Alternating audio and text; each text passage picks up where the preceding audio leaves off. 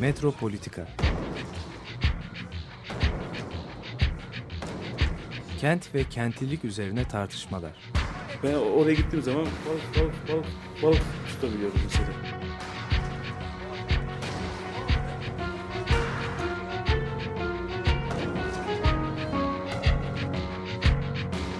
Hazırlayıp sunanlar Aysin Türkmen, Korhan Gümüş ve Murat Güvenç. Takusu yok kolay kolay boşaltamadılar. Yani elektrikçiler terk etmedi Perşembe Pazarı. Merhabalar değerli Açık Radyo dinleyicileri. Bugün Metropolitika'da Murat Güvenç, Aysim Türkmen ve ben Korhan Gümüş birlikteyiz. Evet bu sabah istersen e, şöyle başlayalım. E, dünkü gelişmeler bu Kapalı Çarşı'daki sandal ve destenindeki esnafın kendini oraya kitlemesi. Sonra itfaiyenin ve çevik kuvvetin gelip demir kapıların yuvalarını patlatarak kompresörle kapıyı kırıp bunları gözaltına alması. Yani kendi mekanında işgalci durumuna düşen e, esnaf. Ondan sonra da açıklanan ve aslında hep açıklanan yani bu ilk defa olmuyor. Fatih Belediye Başkanı'nın geçen hafta açıkladığı 1734 tane binayı otele ve rezidansa çevireceğiz e, şeyi var. Basın toplantısıyla. Bu, bu da, da ilginç. Yani bu şeyler, hanlar şöyle bir e, ayrıntı açıklamış Fatih Belediye Başkanı. E, daha önceki e, şeylerde ruhsatlandırma işlemlerinde otel yapmak için mutlaka içinde avlu olması gerekiyormuş hanların. E, ruhsat alabilmeleri için. E, şimdi artık bu zorunluluğu da kaldırıyorlarmış. Kapalı Çarşı çevresinde Tarihi Yarımada'daki işte 1734 tane han e, şeyine bakılmaksızın otele çevrilecekmiş. Yani içinde avlu olup olmadığına bakılmaksızın buradaki küçük üretim, küçük ticaret e, ve işte zararlı faaliyetler, Tarihi Yarımada'ya uygun olmayan faaliyetlerde e, buradan taşınacakmış. E, fakat yani şimdi e, şöyle de bir durum var. E, ben dolaştığım zaman yani son tarih yarımada'nın yani işte bu bölge, bu Hanlar bölgesinde dolaştığım zaman şöyle bir şey fark ediyorum. E, benim çocukluğum yani doğum yerim aslında oraya çok yakın ve dedemin evi de Sultanahmet'te. Onun için yani biliyorum oradan hep yürüyerek giderdik şey. Benim çocukluğumda orası çok canlıydı. Acayip bir canlılık vardı. Yani e, mesela benim dayım şey yapardı. İşte böyle bir takım konfeksiyon işlerine falan merak salmıştı. İki tane atölyesi vardı. Hatırlıyorum yani bir e, şey hava parası yani bir atölyeyi kurmak için hava para ödenen hava parasıyla mesela koskoca bir apartman falan satın alınırdı. Eskiden öyleydi yani o o bölge Sultanahmet falan e, müthiş hava paraları ödeyerek müthiş bir kapital yatırarak bir iş yeri açılıyordu. Çünkü orası ticaretin merkeziydi. Bugün mesela işte arkadaşlarım da var e, kiralayan 500 liraya falan kiralık yerler var hanların içinde. O yeni hanın içinde olsun işte şeyin içinde olsun diğer küçük hanların içinde olsun. Ve içim boş, metruk. Ne oldu burada diyorsunuz? Yani işler mi kesat gitti? İşte şey mi oldu? Hani buradaki esnaf e, ne oldu? E, diyorlar ki işte burası yani belediyenin kararından sonra buradaki şeyleri tahliye etmesinden sonra kiralar inanılmaz düştü. Onda birine düştü falan. İşte şey yok. Ya sahiden boş. Kiracı, kira talep eden de yok. Çünkü o vaziyette e, ancak iş yeri olarak kullanılabilir ve hiçbir güvence yok. Yani biraz hani bir, ya birisi yerleşse e, gidecekleri belli. Yani sonradan oraya balyoz gibi bir e, turizm projesinin geleceğinin böyle kokusu var. Yani her yerde böyle. Böyle bir beklenti var. Yani belediye oradaki şeyleri boşaltmış. Şimdi bu kapalı çarşıda tabii hani e, dünyanın en büyük e, kapalı e, alışveriş mer- merkezi. Dünyada eşi çok az bulunan e, işte yani Bizans döneminden beri var olduğu söylenen bir yer. E, Fatih zamanında yeniden e, şey yapılmış, yapılandırılmış. Yani şimdi burası içinde mesela böyle e, turistik işlevlerin öngörülmesi, yani çok şaşırtıcı bir şey. Yani bu karmaşası yani tarih yarımadan bugüne kadar nasıl olduysa gelebilmiş olan bu karmaşıklığı, çeşitliliği falan bir anda sona erip burası turizm alanı ilan edilecekmiş. Şimdi ben de buradan çok geçtiğim için yani çocukluğumdan beri şey hatırlarım. Yani hippilerin geldiği zaman 60'lardaki Sultanahmet aslında parayla dönüşmedi. Aslında bu şeyle yani merakla dönüştü. Gelen turistlerin, gelen yabancıların aslında bunların çoğu da turist bile değildi.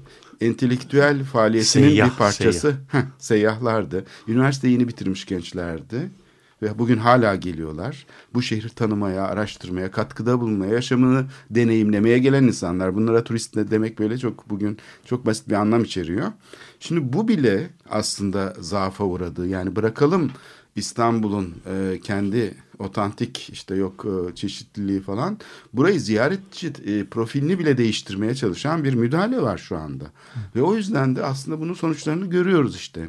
Eminönü'ndeki meydan düzenleme projeleriyle oradaki esnafın nasıl e, dönüştüğünü, oradaki yapıların, sahildeki o muazzam binaların nasıl çoğunun yıkıldığını ve işte işlevsiz kaldığını, Otele dönüştü. otele dönüştüğünü falan. Şimdi bunlar gözümüzün önünde cereyan ettiği için şimdi şu kapalı çarşıdaki iki tane merkez yani bedestenler, sandal bedesteni ve iç bedesten bunları otele çevirmek ya da işte e, vakıflar müdürlüğünün buradan daha fazla kira elde etmek için işte buradaki esnafı yerinden etmesi falan bunlara bakınca insan şaşırıyor. Yani ya bu hiç mi ders çıkarılmıyor bu gelişmelerden diye. Ben ilk önce bu konuyla başlayalım istedim. Yani bu e, çünkü bitmiş bir olay da değil. Yani sürekli aynı şey var. Ben 90'lı yıllardan beri belediyenin burası için hazırladığı yani tarih yarımada için koruma amaçlı imar planı hazırlıyor ya belediye sürekli. iptal ediliyor işte yeniden hazırlıyor falan. Bunlara gerekçeli metinlerine baktığım zaman yani yıldırım çarpmış gibi oluyorum. O yüzden yani işte iki tellide belediyenin binalarında yüzlerce kere toplantıya gittik. Yani bu e, şeyi tartışmaya açabilmek için ama bu da mümkün olmuyor. O şeyi hazırlayan yani planları hazırlayan çok bilmiş özneler, uzman dediğimiz kişiler şeyi iddia ediyorlar. Yani buradaki üretim işlevlerinin zararlı olduğunu, buraya yakışmadığını, turizme kazandırılması gerektiğini hanların.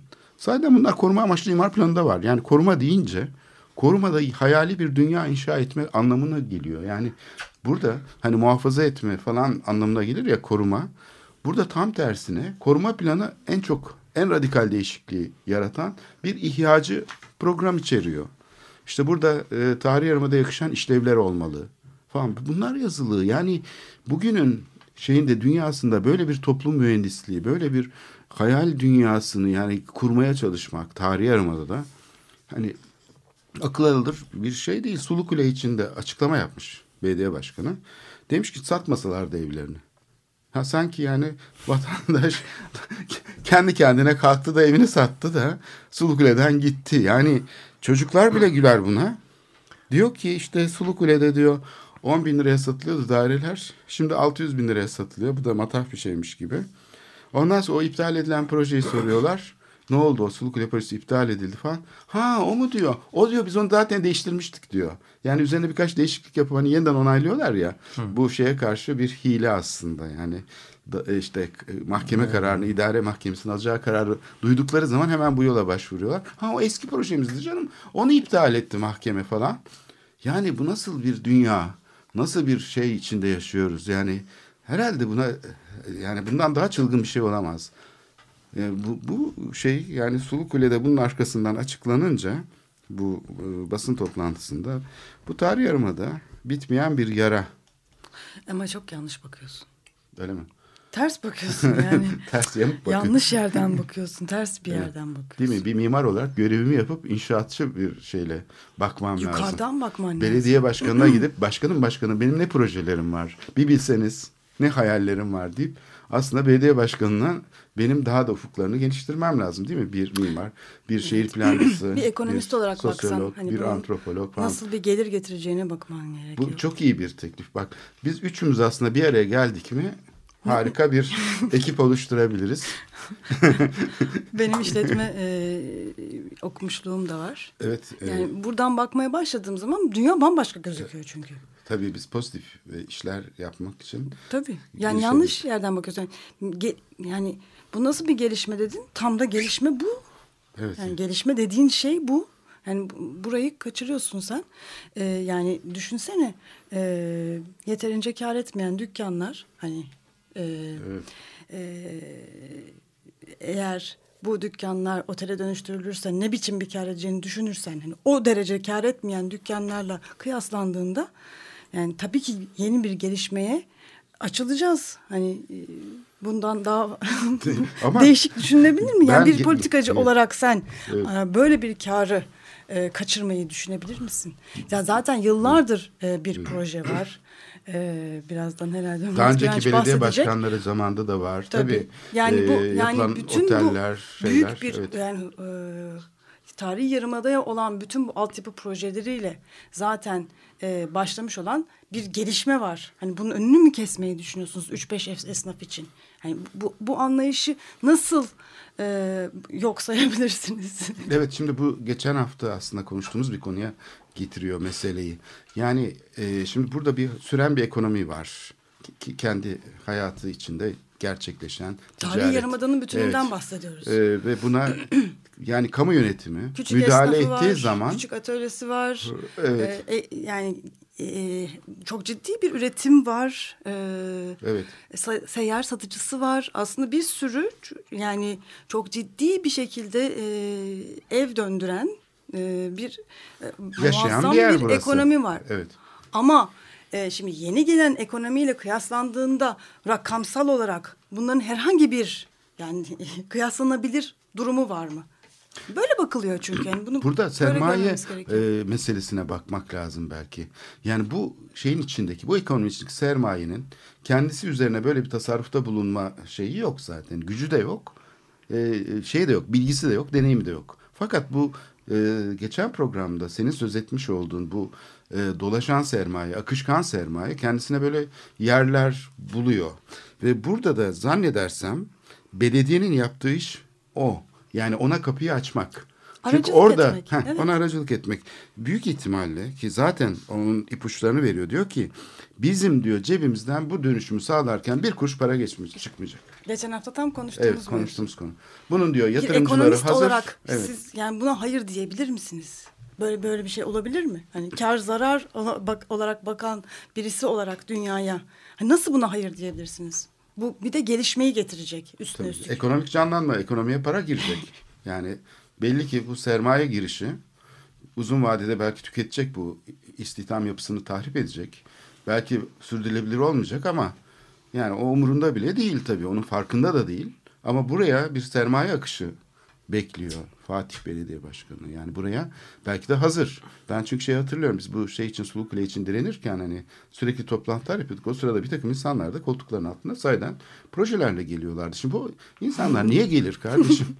yani bir takım mimarlar bu gelenler. Niye gelirler? Bir kısmı mimar. Başka türlü Tabii, daha büyük e, altyapı projeleriyle gelenler de vardır. Vardır, Mühendislik mutlaka. firmaları, daha büyük firmalar Ben tabii mimarları tanıdığım için e, o seçici bir gözle bu mimarları tanıyordum tabii. Ya bunlar yani toplantıya çağırsan gelmezler normalde. Niye bu kişiler, üniversite hocaları falan ellerinde koltukların altında projelerle böyle geliyorlar belediye diyorsun. Sonra öğreniyorsun ki onların arkasında aslında sermaye grupları var.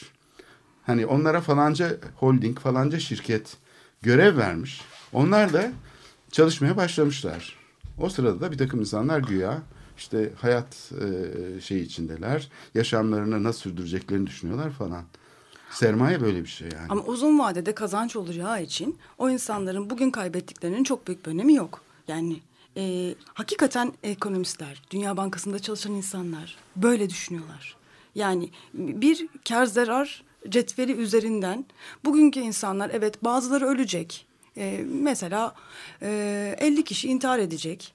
E, bazı çocuklar aç kalacak ama uzun vadede e, işte e, binlerce insan daha fazla kazanacak gibi hani hakikaten kar zarar hesaplamalarıyla bu projelere girişiyorlar. Bizzat kendi açıklamaları böyle.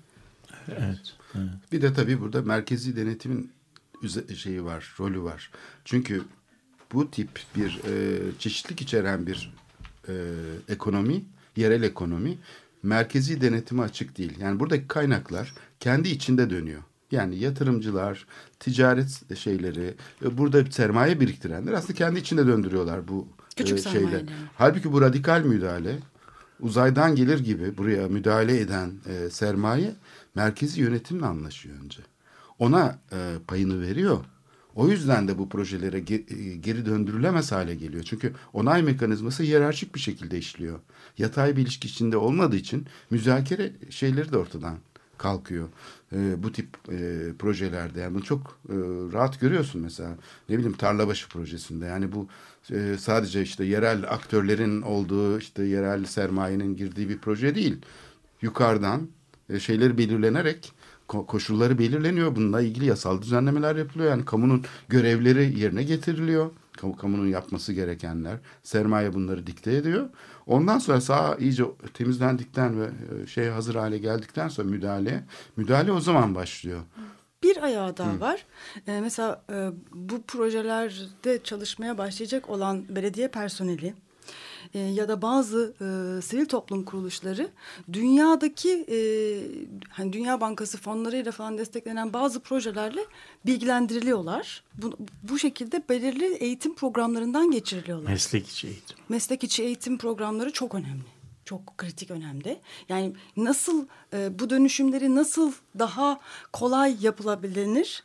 Nasıl bu dönüşümlerden e, daha fazla e, gelişme sağlanabilir? Bu, bu konularda e, çok ciddi bir e, aslında beyin yıkama mekanizması geliştiriliyor. Bu dünya ölçeğinde de böyle. Özellikle işte Batı Avrupa'dan e, gelen e, hem fonlar açısından hem bilgilen bilgi kaynağı açısından Batı Avrupa'dan gelen e, bu tür e, e, araçlarla e, buradaki yerel yöneticiler, e, e, bürokratlar bilgilendiriliyor, eğitiliyor ve ona göre yeni bir düzene girmeleri bekleniliyor. Herhalde bu düzene girmeyenler de orada yani hani bir dakika burada ne oluyor diyebilen insanlar da zaten artık e, bu görevlerde kalamıyorlardır diye tahmin ediyorum. Bir de bu tarafı var.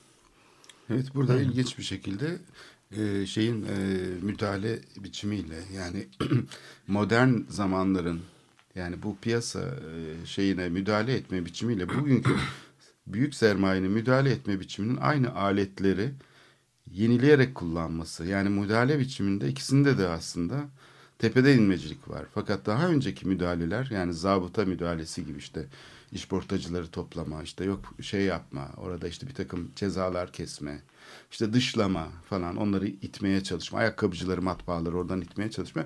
Bunlar çok küçük kalıyordu. Tabii. Ve çok da belki şey nasıl diyelim e, naif bu bu yapılan müdahaleye karşı. Şimdi herhalde e, belki bu olayları yaşayacağız. Çokça tra- trajik olaylar. Yani şimdi senin anlattığın e, bölgeler İstanbul'u bilen herkes o bölgeleri bir defa dolaşmıştır. 60'lı yıllardaki hayatı e, biliyoruz.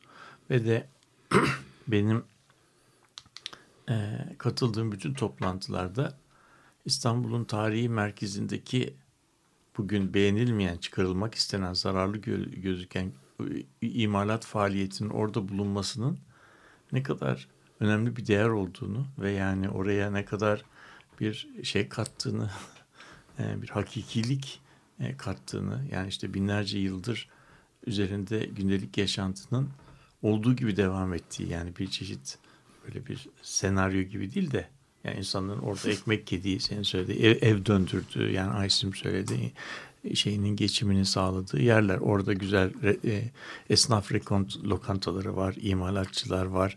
E, şeyin e, kapalı çarşıda e, üzerinde sayfalarca kitaplar yazılmış bir e, kuyumculuk sektörü var. O sektörün yan e, sanayi var ve baktığınız zaman bütün bu ilişki inanılmaz güven ağları üzerinden e, yürüyor.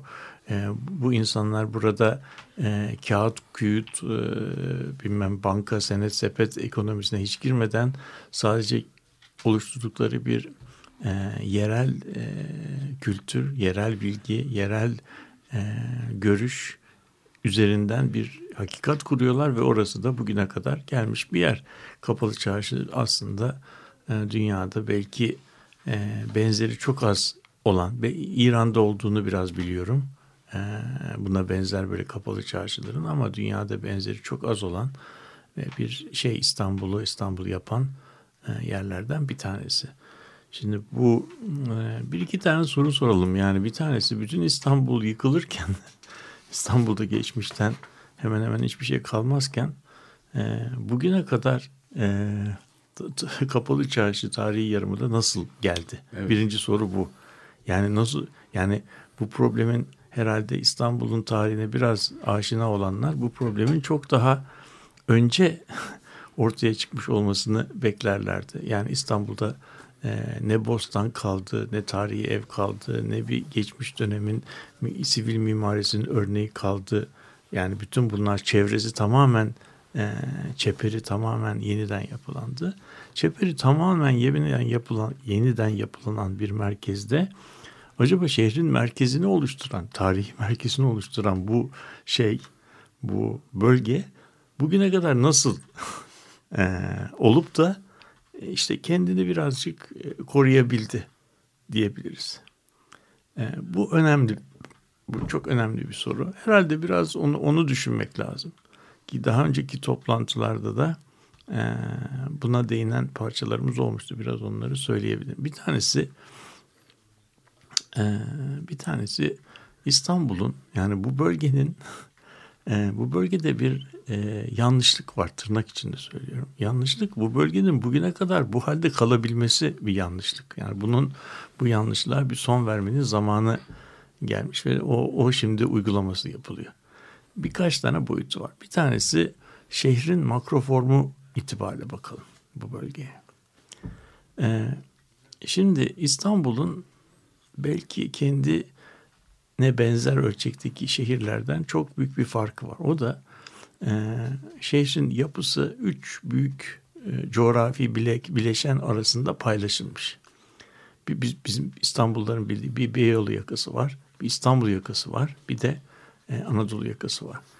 Ve şehrin büyümesi e, İstanbul'da üç eksende oluyor. İstanbul doğuya doğru büyüyor.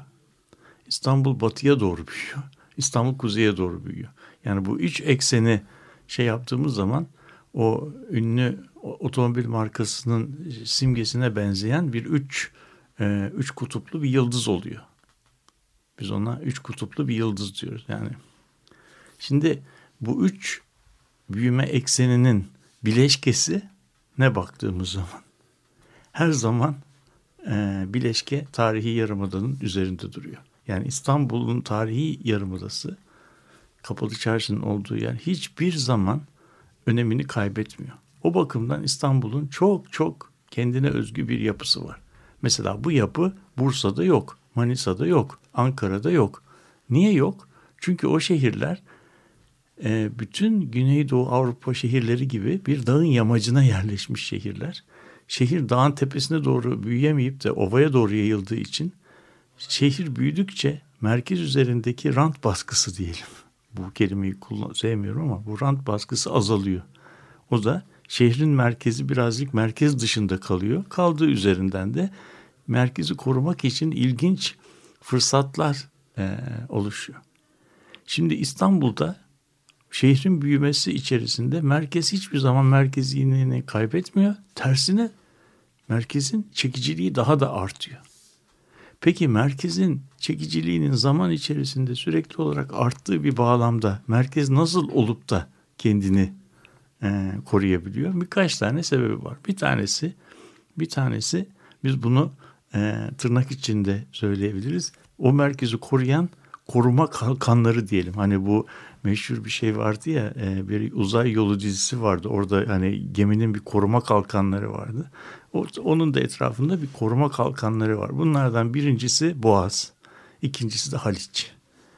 Burası her ne kadar İstanbul'un coğrafi alanda merkezi olsa bile buraya gelip gelme, girip çıkmak o kadar kolay değildi. Vapura bineceksiniz, e, oraya geleceksiniz. İşte bilmem e, Beyoğlu yakasından gelinecekse mutlaka bir geçilecek Haliç var. Haliç'in köprüleri birer huni etkisi yarattığı için köprüden geçmek, karşıya geçmek, e, o bölgeye girmek zor.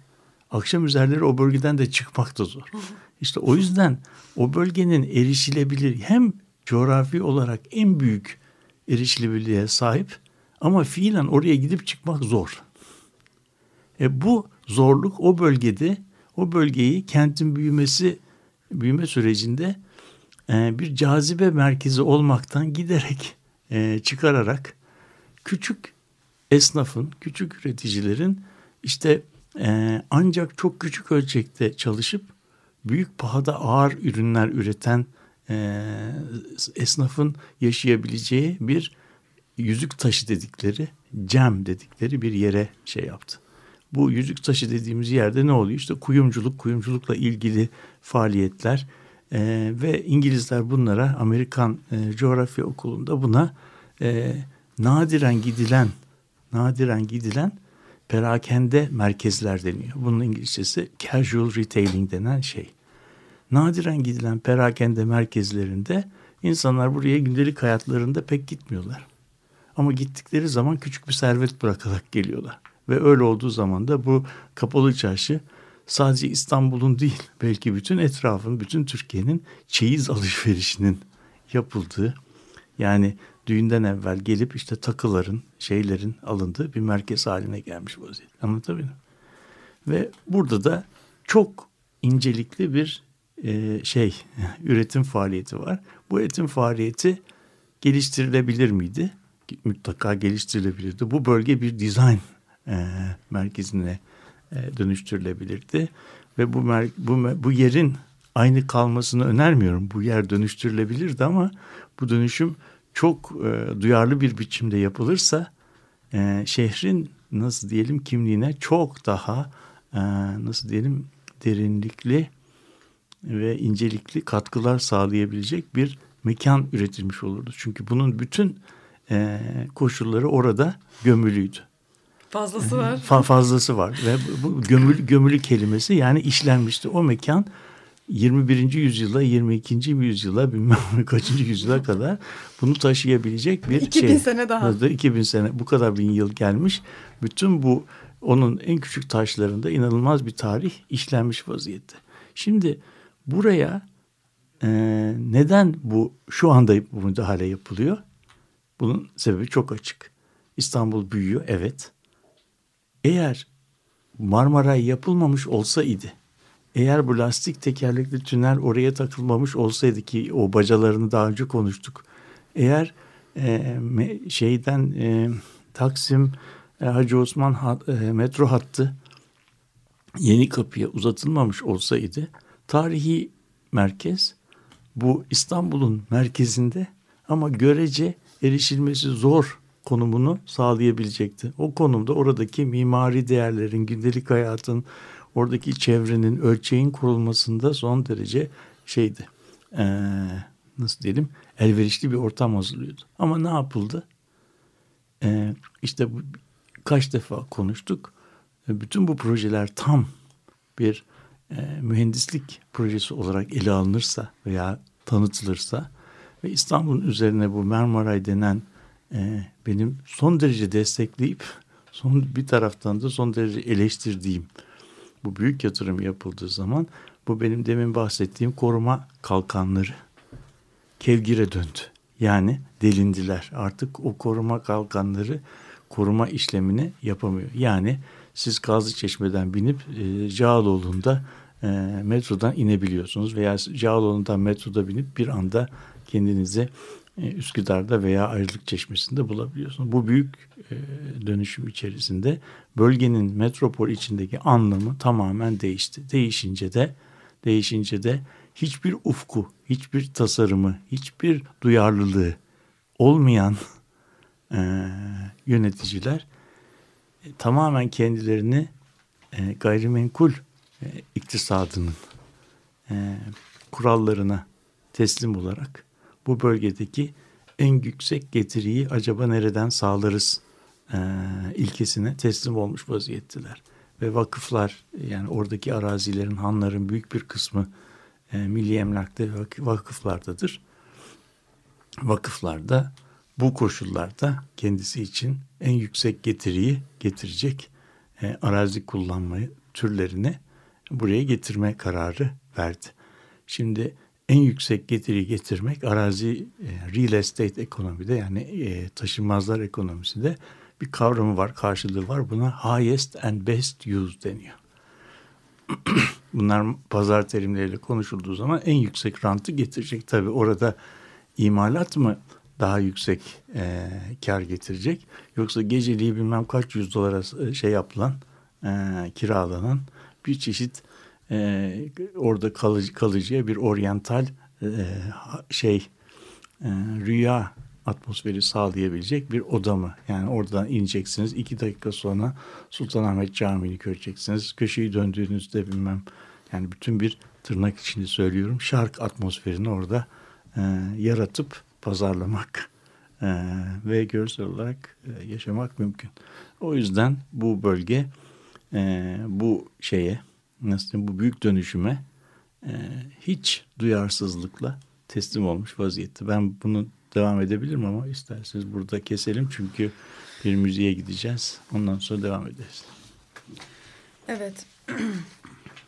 Ee, biliyorsunuz bu hafta e, 24 Nisan E, ve e, 24 Nisan 2015 e, Ermeni soykırımının e, 100. yılı.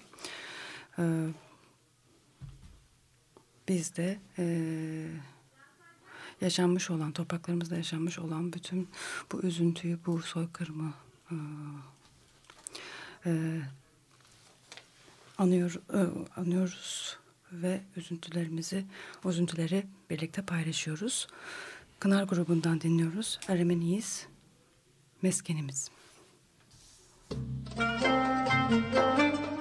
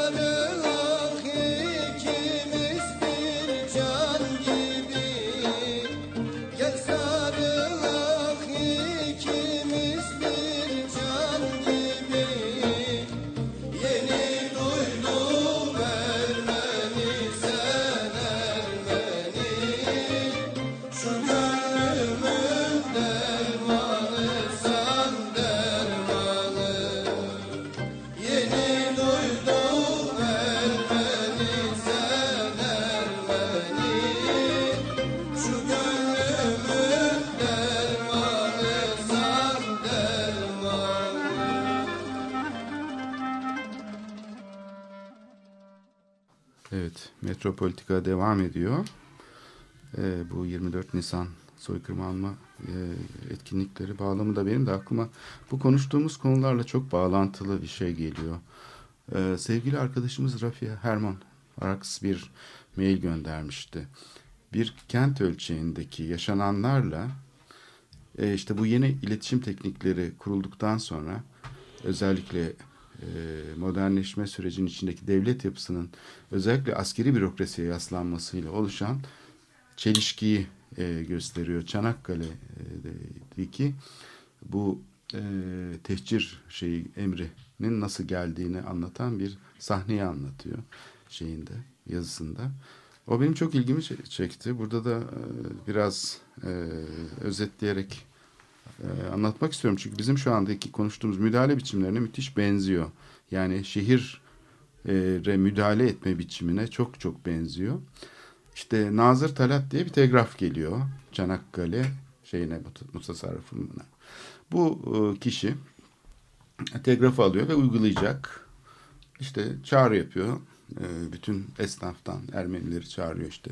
Sizi gönderiyoruz. Hepsiyle de ilişkisi var. Çanakkale'nin çok güzel bir saat kulesi var. Kirkor geliyor. Diyor ki tamam beni şey yapacaksınız ama diyor yani şimdi benim diyor bu saati ayarlamazsam diyor günde diyor işte iki dakika beş dakika geç kalıyor. O zaman bugün herkes saati akşama yanlış bilecek. Onun için müsaade edin. Ben şu saati bir ayarlayayım öyle geleyim diyor. Ve gidiyor kuleye çıkıyor. Saatin ayarlarını yapıyor. Kuruyor saati falan filan. Görevini yapıyor ve geliyor. İşte şeyi çağırıyor. Artin'i çağırıyor. Artin ya diyor biliyorsunuz diyor kusura bakmayın diyor. Ben size söz vermiştim. Bugün ayakkabılarınızı teslim edecektim. Onlar kalıptan çıkmak üzere diyor. Eğer ben şimdi beni götürürseniz ben o ayakkabılarınızı size teslim edemeyeceğim ve sözümü tutmamış olacağım. Onun için diyor bana bir beş dakika müsaade ediyor. Ben hemen sizin o iskarpinlerinizi kalıptan çıkarayım. Getireyim size vereyim diyor. Ondan sonra işte Kevork zannedersem o da işte şeyle uğraşıyor işte e, atlarla falan. Ya diyor sizin ya, tabii diyor ben diyor yani geleceğim ama diyor sizin diyor faytonun diyor nallarını biliyorsunuz diyor benim çakacaktım bugün diyor.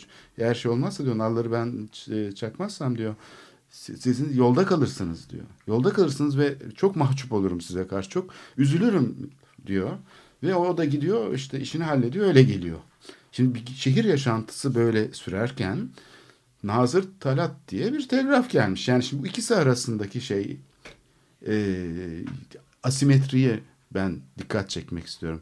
Hani tarih yaramadaki esnafın gündelik hayatı yaşamasıyla oraya işte tepeden gelen bir şeyin müdahale biçiminin onun kullandığı işte e, simgesel e, şiddeti üreten e, şey e, temsil e, şeyi yani iki sermaye türünün aslında burada çarpıştığını görüyoruz. Bir tanesi insanların kendi deneyimine dayanan evet kolay erişilebilir bir sermaye türü değildir ayakkabıcılık.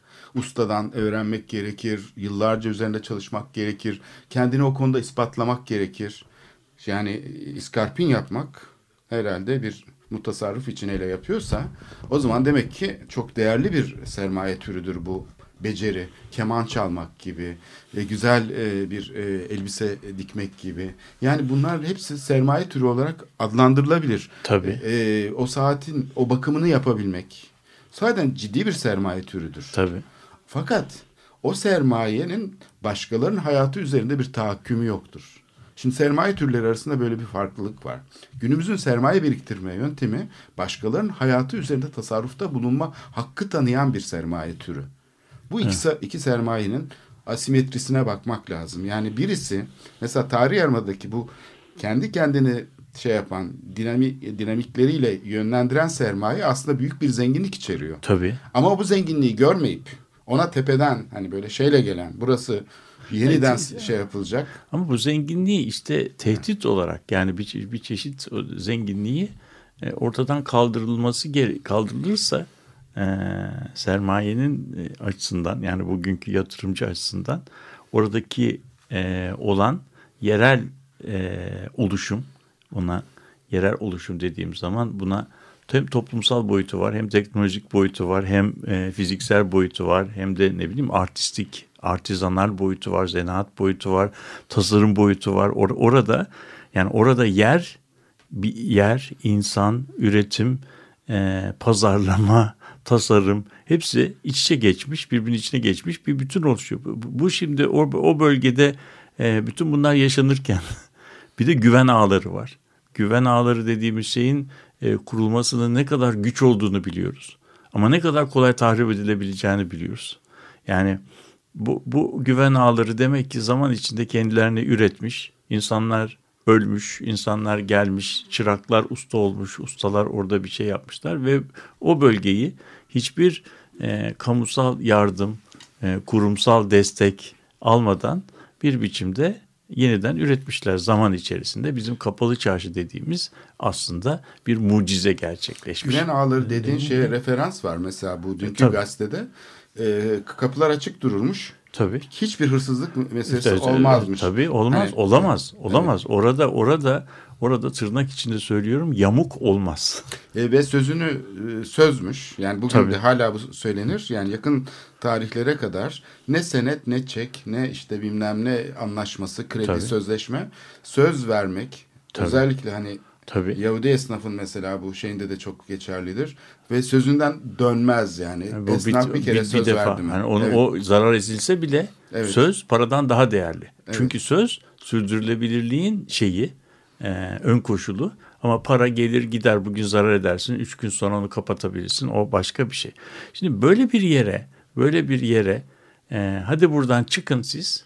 Biz buraya otel yapacağız demek bence çok sığ bir şey değil mi? Yani çok sığ bir tahayyül. Yani siz buradan çıkın ben burayı temizleyeceğim. Buraya güzel güzel odalar yapacağım. Ve bu durumda onların getireceği şeyler, onların getireceği kira bu bölgede benim vakıflara aldığım kiradan daha yüksek olacak. Şimdi bu, bu mantığı biz her tarafa ya, şey yaparsak e, e, yani biraz bu mantığı devam edelim.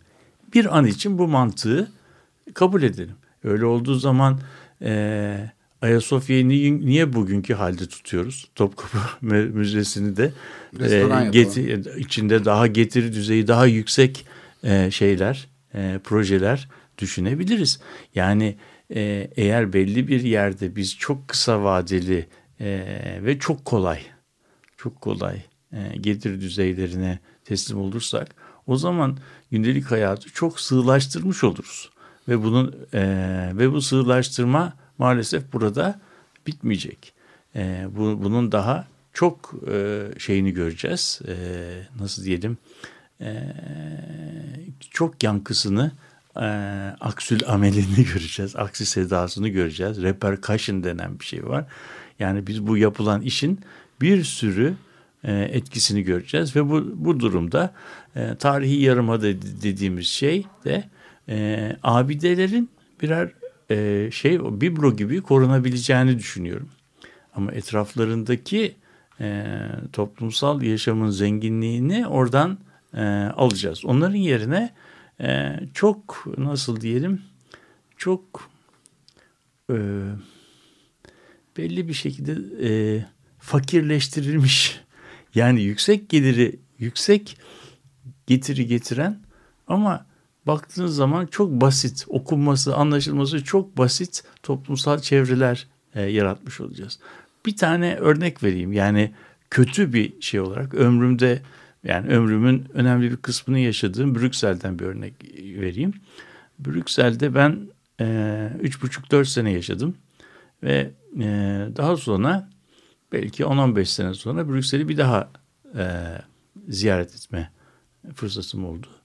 E, Brüksel'de e, Fransızcası Central Station, işte Flamancası Central Station dedikleri bir istasyon vardır. Bu Horta'nın yaptığı bir şeydir. Yani bir nasıl diyeyim mimari e, yüzük taşı diyebileceğimiz mükemmel bir bina. Önünde de e, büyük bir avlu vardır. Yani böyle büyük bir meydana bakar. Meydanı da e, çevreleyen bir mimarisi vardır. Yani bina meydanla meydanı aynı zamanda tırnak içinde söylüyoruz kucaklar. Ve bu meydanın bir ucunda da işte Brüksel şehrinin simgesi olan büyük meydan dedikleri Grand Place'a açılan bir şey vardı. Şimdi ben buraya 3-5 sene sonra yani 15 sene sonra gittiğim zaman istasyondan çıktım ve bir an gözlerime inanamadım. Çünkü istasyon yerinde duruyor fakat meydan yok olmuş. Yani meydanı meydanın nasıl yok olduğuna e, inanamadım. Çünkü e, gördüğüm manzara da bütün diğer Brüksel'deki diğer binalara da benziyordu. Yani binalarda büyük bir şey yoktu. Hani gördüğüm manzara oraya böyle çok aykırı bir şey yapmamışlar. Fakat sonunda bunun etrafında dört tur attıktan sonra anladım ki o e, meydan yani o şehrin meydanı turizme açılmış ve o meydana şehrin mimarisine uygun tırnak içinde söylüyorum. E, tabii Brüksel'in Avrupa Birliği merkezi içerisinde bir büyük otel kompleksi yapılmış ve meydana oteli yapmışlar. Artık meydan kalmamış ve otelden e, otelden istasyona, istasyondan otele neredeyse e, böyle e, kapı komşusu olmuş. Yani bir şekilde istasyon otelin oteli yani otellerin istasyonu olmuş, şehrin istasyonu olmaktan çıkmış.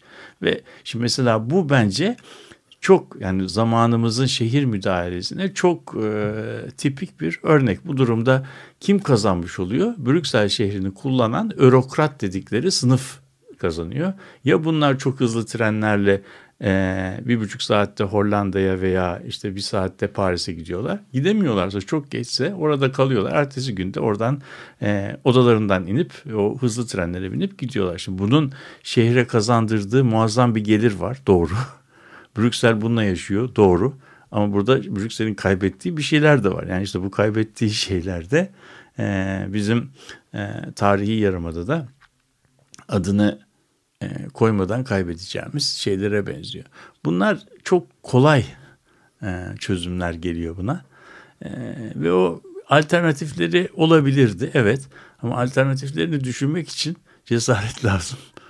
Mücadele etmek lazım. Birazcık da bir vizyon lazım. Bir vizyon yoksa e, buranın kirası buradan daha yüksek o zaman bu bundan daha iyi e, mantığına şey yaparsak e, teslim olursak burada durmanın hiçbir şeyi yok. E, bu, bu mantığı sonuna kadar e, izlemekte e, beis görmeyelim derim. Yani benim bu acı öyküden çıkardığım şey e, budur ama maalesef bu e, ne ilk olacak ne son olacak.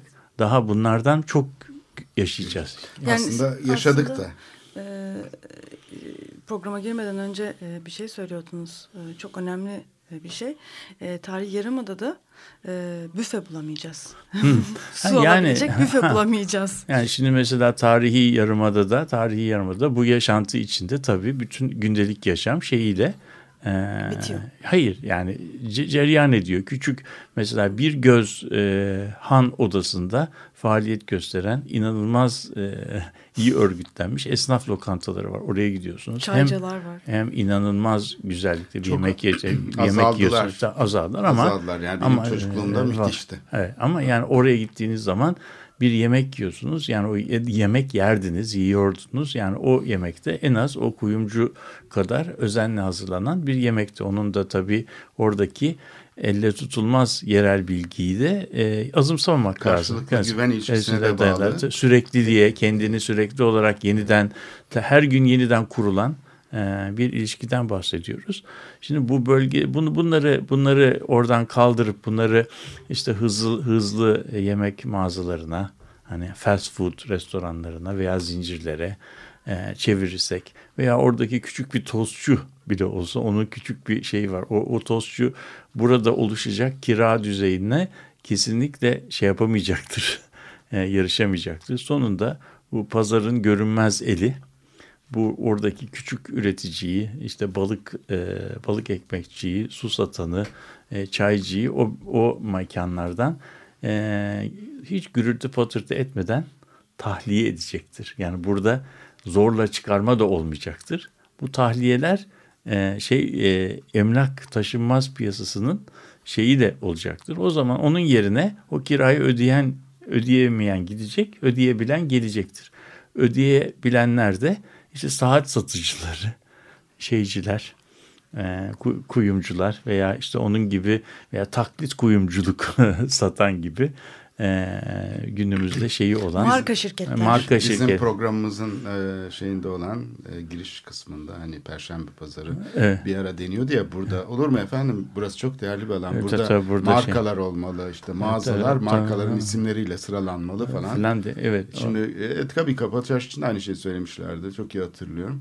Ya peki bu yani bir tanesi işte ulaşımla ilgili müdahaleler. İkincisi bu sermaye birikim modeliyle olan ilişkisi tarih yarımadan. Şimdi bu ikisinde de yani yıllardır görülüyor değil mi? Buradaki mesele nedir? Yani problem nedir? Aslında bu problem pekala tartışılabilir ve şeye de taşınabilirdi. Yani yıllar önce 30 sene önce ne bileyim Haliç yıkımları sırasında taşınabilirdi. Şey sırasında öyle bir e, tuhaflık var ki aslında siyasetçilerin eseriymiş gibi gözüküyor bu müdahale. Hani bu bana şey Hannah Arendt'in e, şeyini hatırlatıyor. Yani o yargılama sırasındaki yaptığı gözlemleri. Aslında herkes görevini yapıyor. Herkes görevini yaptığı için kimse konuşmuyor. Yani belediye başkanı madem ki işte öyle bir kişi, atılımcı, girişimci bir kişi. O zaman biz de ona danışmanlık yaparız. Bizans uzmanları falan ona danışmanlık yaptılar. Bizans eserleri yıkılırken. İşte ne bileyim ulaşım projesi yapılırken Marmaray projesi. Bir tek Arkeologlar onlar şey yaptılar. Turgut Cansever bir tek itiraz etti. Yani buraya bağlamanız bunu hatalı. Başka bir aks üzerinde olabilirdi bu metronun ana şebekesi diye. Şimdi bütün bunlarda aslında bir de tabii ki yani bizim bu işi sadece siyasetçilerin eseriymiş gibi görmemiz yani tek aktör oymuş gibi. Aslında birbirine zincirlemeş eklenen bir sembol, sembolik sınıf var ki kendi ayrıcalıklarını koru- korumak için hepsi birlikte bu işin içinde kurumsal şeyi oluşturuyorlar. Bu değişimin kurumsal öznesini yani birlikte diyebiliriz belki de. Evet, Programın ben- sonuna doğru evet. yaklaştık. Belki son söz olarak şeyi söyleyeyim. Yani bu bu büyük altyapı yatırımları, büyük e, büyük projeler, mega projeler e, sadece mega projelerden ibaret değil. Yani bu mega projeler kendi ölçeklerini çok aşan yan etkiler yaratıyor ve o, o yüzden bu mega projeler edilgen nesneler değil, sonuçlar değil. Onlar aslında bir çeşit faile dönüşüyorlar. Yani projenin kendisi e, bizim e, hatırım e, hayal bile edemeyeceğimiz e, yan etkiler e, yaratıyor. Maalesef işte bu, bu bunu da ancak yaşayarak göreceğiz. İşte bu bu bakımdan metropolitikanın e, programın belki bir şeyi insanları bu tür şeylere bu tür e, yan etkilere duyarlılığını arttırmak olabilir diyorum. Yani İstanbul'a bakımdan çok değerli bir şey ama çok hızla bir şeyler yitiriyor. Evet. e, bugün Bitti. programımızı tarih yaramada ya yoğunlaştırdık. E, tabii ki yani sadece bir parçasına dokunabildik. E, müdahalenin biçimi üstünde konuştuk. ne tarih panoraması üzerine fazla bir şey söyleyebildik ne de daha ayrıntılara girebildik. E, ancak bu kadar olabildi. Herkese iyi haftalar diliyoruz. Görüşmek üzere. İyi haftalar.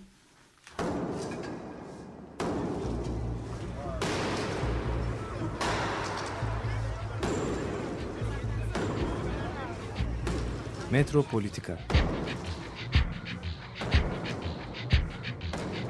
Kent ve kentlilik üzerine tartışmalar. Ben oraya gittiğim zaman balık balık balık balık tutabiliyorum mesela.